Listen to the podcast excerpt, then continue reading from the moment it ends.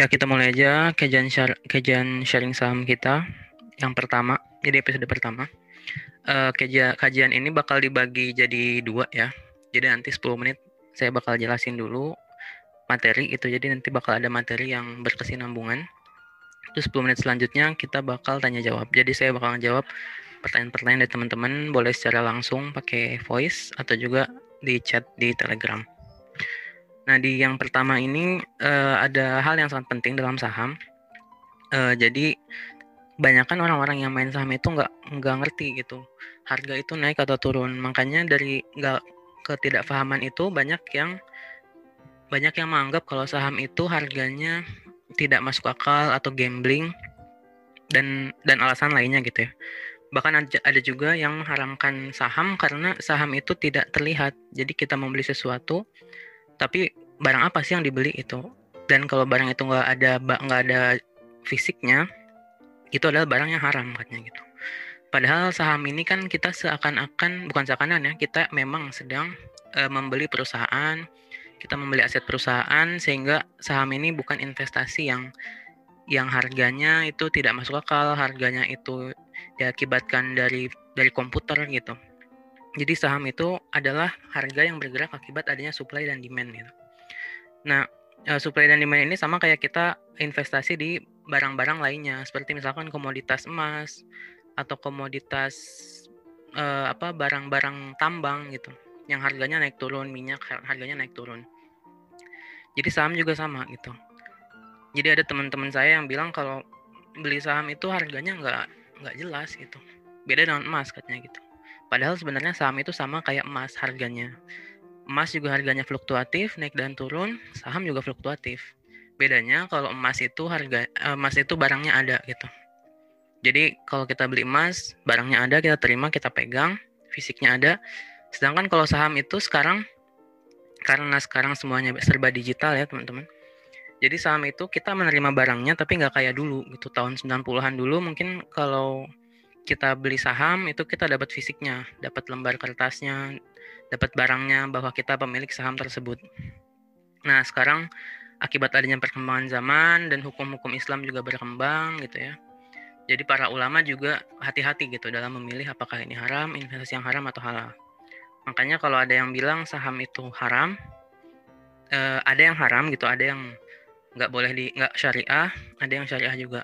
Tapi kalau secara umum, kalau ada yang bilang saham itu semuanya nggak halal gitu, karena harganya fluktuatif, karena bla bla bla dan alasan lainnya, itu tidak betul gitu. Ya karena kita juga e, membeli saham itu ada fisiknya, ada buktinya, dan juga harganya harganya tergantung supply demand gitu sama seperti barang lainnya. Itu yang pertama. Nah dalam saham itu banyak juga teman-teman yang e, banyak juga orang-orang baru invest saham yang bilang banyak yang nanya gitu ya yang paling banyak sih gimana sih cara mulai saham gitu. Karena lagi lagi kayak gini kalau kita lihat data sih ada investor angkatan angkatan covid gitu ya dibilangnya. Jadi angkatan covid itu uh, investor saham yang masuk karena terpaksa ada covid gitu. Jadi mereka baru tahu ah oh, uang itu penting dana darurat itu penting kita berinvestasi itu penting gitu. Dan buktinya sekarang lagi covid gini orang-orang pada bingung nih nyari income dari mana pakai uang dari mana gitu. Lagi kondisi darurat. Makanya banyak ya positifnya dari pandemi ini adalah banyak generasi-generasi milenial banyak anak-anak muda yang terpaksa belajar gitu. Gimana caranya punya punya dana darurat? Gimana caranya bisa uangnya bisa sustain gitu hampir 30 tahun ke depan? Mungkin zaman-zaman orang tua kita dulu gitu ya uh, dana darurat itu mungkin tidak seperti tidak seperti sekarang gitu ya. Maksudnya kalau zaman-zaman orang tua kita dulu mungkin belajar dana darurat itu uh, tidak secara secara faktual kayak kita sekarang gitu. Keuntungannya itu. Ya kita benar-benar dipaksa buat siapin dana darurat nih. Nanti kamu bisa jadi kayak gini lagi kejadian, bisa jadi pekerjaan hilang, bisa jadi kondisi ekonomi rusak, bisa jadi bencana alam dan lain-lain gitu. Makanya pandemi ini sebenarnya positifnya banyak juga. Di akhir kita baru sadar bahwa pandemi ini mengajarkan manusia banyak hal gitu. Mulai dari pentingnya sistem kesehatan pentingnya pendidikan gitu. Pentingnya generasi muda paham akan investasi juga. Nah jadi eh, dari sini makanya sharing saham itu muncul untuk menjadi fasilitas buat teman-teman yang masih muda, yang masih awam banget untuk belajar saham. Jadi buat teman-teman di sini yang yang punya teman lagi itu yang lain yang baru masuk saham, ajak di sini. Jadi kita bakal bikin kajian seminggu tiga kali. Kita bimbing yang lain yang belum paham supaya tidak terjebak di dunia investasi. Ya, dan saham ini adalah investasi yang sangat beresiko tinggi. Tidak seperti investasi lainnya. Jadi kalau saya klasifikasikan gitu ya, ada tiga investasi yang tinggi banget resikonya, tapi untungnya tinggi juga. Terus ada juga yang sedang dan ada yang rendah. Nah, kalau saham ini termasuk yang resikonya sangat tinggi. Jadi di saham eh, banyak banget orang yang bangkrut, bisa bangkrut loh di saham itu.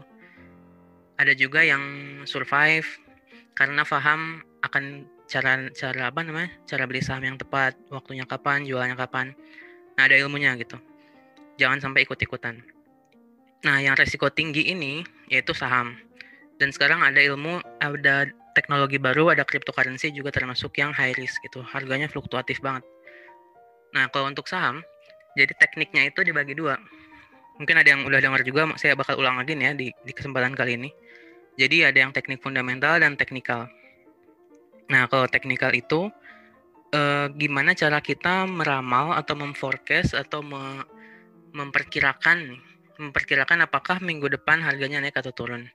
Saya suka analogikan bahwa ilmu forecasting ini uh, ilmu yang sangat uh, sangat apa ya sangat modern gitu ilmunya yang terus berkembang terus berkembang kalau fundamental cenderung dia ilmunya yang fix gitu yang tetap dia yang dibaca ya ini liability equity hutang dan pendapatan gitu-gitu Nah, kalau ilmu dari technical analysis ini ilmu yang sangat modern dan dia berkembang terus-menerus.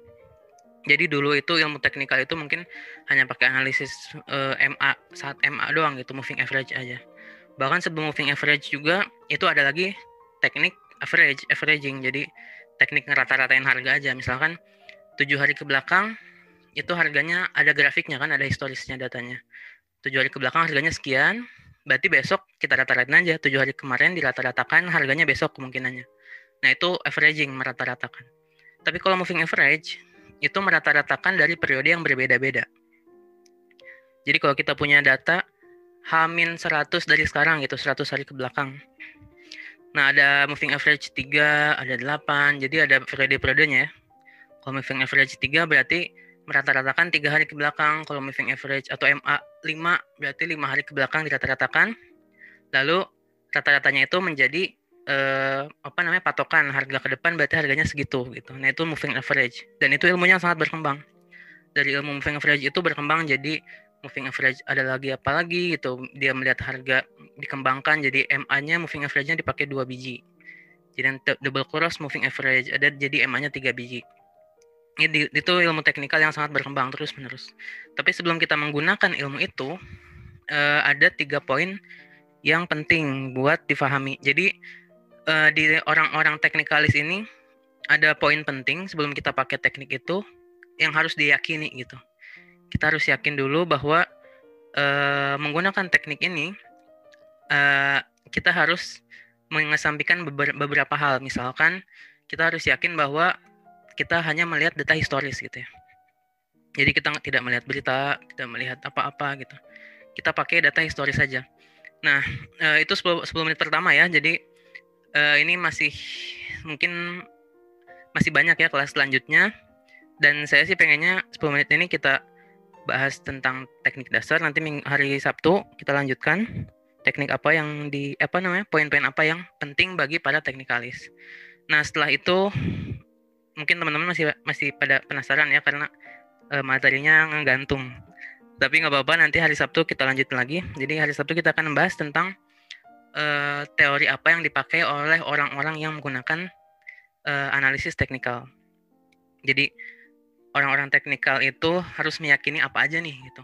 Apakah dia harus meyakini harga atau dia harus meyakini uh, news, berita, apakah dia harus meyakini buku keuangan?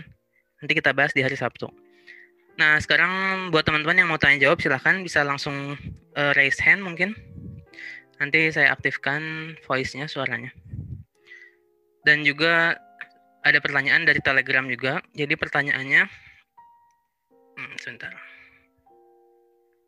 Jadi pertanyaannya kapan kita beli saham dan jual saham. Nah, jadi pasti orang-orang yang baru masuk saham ini uh, bingung ya karena ilmunya dibagi dua. Terus setiap ilmu harus belajar A, belajar B gitu.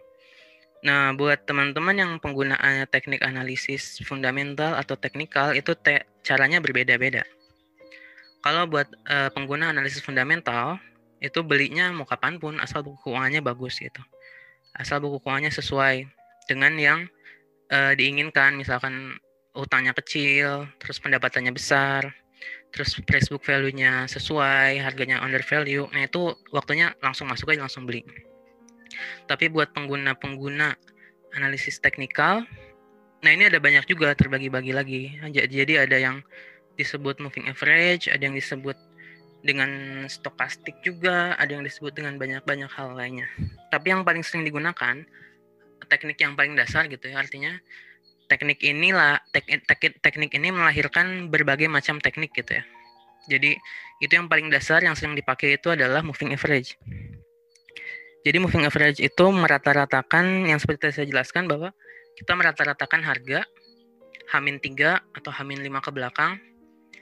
Nah, itu dipakai untuk acuan harga besoknya gitu. Jadi kalau saya analogikan teknik moving average itu kalau di ilmu-ilmu marketing ya misalkan sekarang kan banyak nih UMKM uh, eh, yang memproduksi makanan atau memproduksi baju pakaian gitu ya. Nah, kalau misalkan UMKM ini menggunakan teknik moving average gitu, dia bakal bisa tahu kira-kira bulan depan saya laku eh apa namanya jualan saya lakunya berapa sih gitu. Misalkan perusahaan saya menjual makanan udah jalan tiga tahun gitu ya. Tiap bulan saya punya grafiknya. Tiap bulan bulan pertama dulu banget harganya eh, apa harga barang yang terjual sekian. Terus saya punya data historis semua lengkap. Nah saya mau pakai teknik moving average ya buat meramal atau memprediksi kira-kira bulan depan UMKM saya atau produk saya laku berapa berapa jumlahnya gitu. Nah si si penjual penjual makanan tersebut harus menentukan misalkan saya mau pakai moving average 8 saya mau kira-kira uh, memperkirakan uh, bulan depan saya terjual berapa. Hasil dari merata-ratakan tersebut 8 bulan ke belakang, misalkan 8 bulan ke belakang dirata-ratain, ternyata dapat angka 10.000. Berarti bulan depan saya mempersiapkan 10.000 makanan produk saya yang harus disiapkan gitu. Nah, itu teknik moving average, sama kayak di saham juga. Jadi sebenarnya di saham juga kalau misalkan teman-teman pakai teknik moving average itu adalah rata-rataan harga harga saham gitu. Kita mau pakai moving average berapa? Kalau moving average 8, 8 hari ke belakang. Kalau moving average 21 berarti 21 hari ke belakang. Nah, dengan penggunaan teknik itu kita bisa memprediksi ini kira-kira besok atau beberapa hari ke depan itu harganya bakal naik atau turun. Nah, jadi kalau penggunaan teknik moving average itu biasanya saya pakai moving average yang 8, 13, 21 gitu. Kurang lebih segitu. Jadi kalau harga saham di bawah ketiga garis itu berarti dia lagi posisi downtrend. Belum waktunya buat ngebeli. Tapi kalau misalkan harga saham dari bawah posisi, dari bawah garis tiga garis moving average, terus dia bergerak menembus tiga garis moving average ke atas, berarti itu waktunya kita membeli saham. Jadi gitu, jadi ada istilahnya uh, golden cross. Jadi kalau golden cross itu kita bikin garis moving average 8, moving average 13 dan moving average 21 nanti harga aktual price-nya itu kalau letaknya di bawah dari tiga garis itu kita jangan beli dulu. Nanti kalau dia sudah menembus uh, tiga garis moving average H plus satunya baru kita beli kita masuk di situ. Dan biasanya penggunaan teknik ini uh, kalau pakai periodenya harian kita keep lah kurang lebih tiga minggu dan minggu tiga minggu gitu gitu mungkin itu yang pertama nah terus Oh, kalau ada share screen-nya ya. Share screen-nya mungkin nanti ya, saya mungkin hari Sabtu lebih ada share screen-nya. Jadi kalau sekarang karena saya sih targetnya targetnya itu kayak bikin podcast gitu, jadi ada suara bisa sambil santai-santai gitu. Cuma nanti kalau ada yang butuh share screen nanti saya bikinin uh, share screen-nya biar mempermudah. oh ya Saiful ada yang mau ditanyakan? Rizky Prima udah resen mungkin ada yang ada mau bertanya langsung lewat suara Uh, boleh kak, suara saya terdengar? Ya terdengar. Gimana? Oke, uh, selamat malam. Perkenalkan nama saya Rizky. Ya, jadi saya baru juga melanjutkan penjelasan yang tadi. Itu kan udah dijelaskan. Jadi kalau misalnya harganya itu di atas moving average 8, 13, dan 21 itu kita boleh masuk. Iya. Oh, boleh beli maksudnya. Nah, terus uh, untuk menentukan uh, harga jualnya dan membatasi risiko kerugian itu tekniknya gimana ya, Kak? Terima kasih. Ya, oke. Okay. Jadi untuk menjual saham itu ya, jadi untuk menjual saham itu ada dua teknik gitu. Kita teknik eh, apa namanya cut loss, kita potong misalkan saya udah minus 2%, pokoknya mau gimana kondisinya pun kalau udah minus 2% saya jual lah gitu. Jangan sampai lebih dalam, ada yang kayak gitu. Ada juga yang kalau turun banget saya telat cut loss, ya udah saya keep dulu sampai ada signal signal golden cross lagi. Jadi kan setelah si harga si aktual price itu tembus ke atas dia naik, terus pas dia mau, mau tembus tiga garis bawah gitu. Jadi, jadi namanya dead cross. Jadi udah kondisi, kondisi aktual price-nya di atas MA, kita hold nih. Nanti ada suatu saat si aktual price itu bakal nembus tiga garis itu ke bawah. Jadi dia dead cross. Yang awalnya di atas MA, sekarang dia siap-siap mau ke bawah MA itu tuh. Nah, H plus satu setelah dia valid setelah dia uh, nge-cross atau ngelewatin garis MA baru kita jual di situ. Itu biasanya yang dipakai. Cuman ada juga yang karena saya fundamentalnya bagus gitu ya, perusahaan ini fundamentalnya bagus, udah saya hold dulu aja, sampai turun juga nggak apa-apa lah gitu. Tapi nanti saya siapin uang, siapin modal buat uh, move, apa namanya down averaging gitu. Kalau saya sih lebih pakai yang kalau dia udah nembus ke bawah garis, H plus satunya saya cut loss. Bukan cut loss nggak mesti cut loss ya saya jual gitu. Kayak gitu sih. Cuma ada juga yang pakai cut loss. Kalau minus berapa dijual. Kalau cut loss bisa. Jadi bisa pakai yang mana aja. Kalau punya modal lebih lebih bagus sih dia down averaging aja kalau udah yakin fundamentalnya bagus gitu terus ini ada yang nanya lagi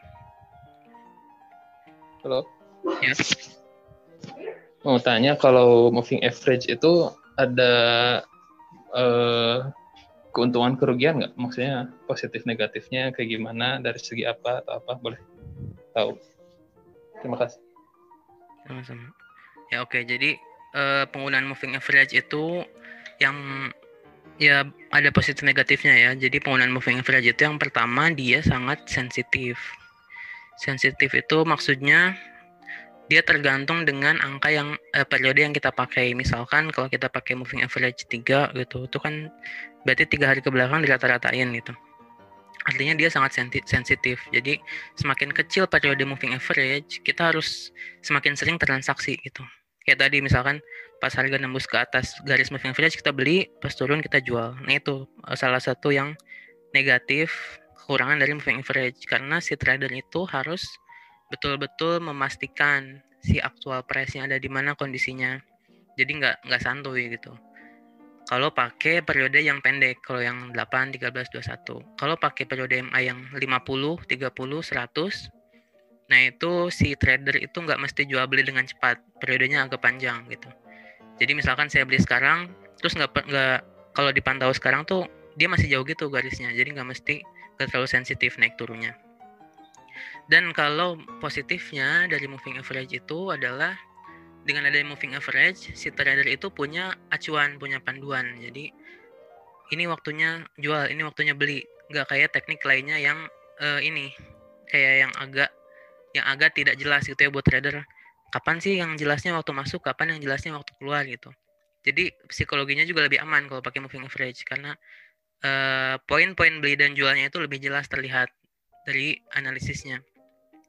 Nah, terus juga oh ya ada tambahan juga kalau teman-teman pakai teknik moving average ini, uh, teman-teman juga harus melihat volume transaksi hariannya. Misalkan uh, harga naik tapi volume transaksinya uh, kecil sedikit. Nah, itu harus hati-hati juga. Karena harga naik kalau volumenya kecil itu kurang valid artinya. Kenaikannya itu kurang valid. Misalkan uh, kita kita melihat harga nih. Kemarin tuh harganya naik naik menembus ke garis moving average tapi ternyata pas lihat volume yang belinya itu nggak banyak artinya kan di situ penjual dan pembelinya nggak nggak seimbang ya nggak seimbang gitu terus kenaikannya itu juga hanya dipengaruhi oleh transaksi sedikit gitu artinya tidak valid. Nah transaksi itu juga kalau teman-teman pakai teknik analisa analisis teknikal yang lain gitu mau pakai moving average mau pakai Bollinger Bands dan lain-lain harus dilihat juga volume transaksinya. Itu mungkin kekurangan sih ya kekurangan dari teknik moving average. Jadi selain melihat grafik harus juga melihat volumenya. Semakin bagus semakin banyak volumenya itu semakin baik juga digunakan. Tapi kalau pakai moving average enaknya juga eh, harga atau news news dari harga itu misalkan lihat berita harga ini naik hari ini turun. Nah kita nggak terdistraksi sama berita-berita di di ini di media gitu. Kayak harga Unilever kemarin pernah naik tuh berapa persen di atas 5 persen. Kalau dari moving average-nya itu waktunya beli gitu ya misalkan. Nah setelah harga itu naik besoknya beritanya baru muncul gitu. Jadi enak banget kalau pakai teknik moving average kita uh, lebih cepat dapat info daripada membaca berita daripada orang-orang yang membaca berita gitu itu yang paling penting sih ya oke okay, teman-teman karena sekarang sudah 20 menit ya nah, ini lumayan juga antusiasnya banyak jadi mudah-mudahan hari Sabtu kita bisa ada kesempatan lagi buat ngadain ini lagi secara rutin. Jadi buat teman-teman yang masih awam, yang masih pengen belajar saham, karena investor itu harus sering belajar ya. Kalau kita lihat investor-investor lain gitu, kayak misalkan uh, kalau saya sih suka lihat investor itu biasanya dari Elon Elon Musk ya, dia tuh uh, investor juga, CEO juga gitu. Ya dia sering belajar juga gitu. Jadi melihat uh, kemungkinan harga-harga yang lain, kemungkinan bisnis yang lain, sektor yang seperti apa ya teman-teman juga harus benar-benar sering belajar gitu. Sektor mana yang mungkin yang tahun ini bakal naik gitu. Misalkan sektor uh, pertambangan atau sektor konstruksi harus sering baca-baca juga gitu. Misalkan baca berita tentang persediaan nikel Indonesia, persediaan emas Indonesia, apa oil and gas di Indonesia itu kayak gimana. Nah, harus sering banyak banyak-banyak baca supaya kita jadi investor yang yang yang cerdas gitu yang yang tahu yang tahu kondisi ekonomi negara kita juga dan kondisi kita ekonomi kita sendiri juga nanti bakal terbantu kalau kayak gitu oke teman-teman semua makasih waktunya. Semoga semoga bermanfaat ya. Ini kurang lebihnya saya mohon maaf. Dan semoga kita hari Sabtu bisa ketemu lagi. Oke terima kasih. Wassalamualaikum warahmatullahi wabarakatuh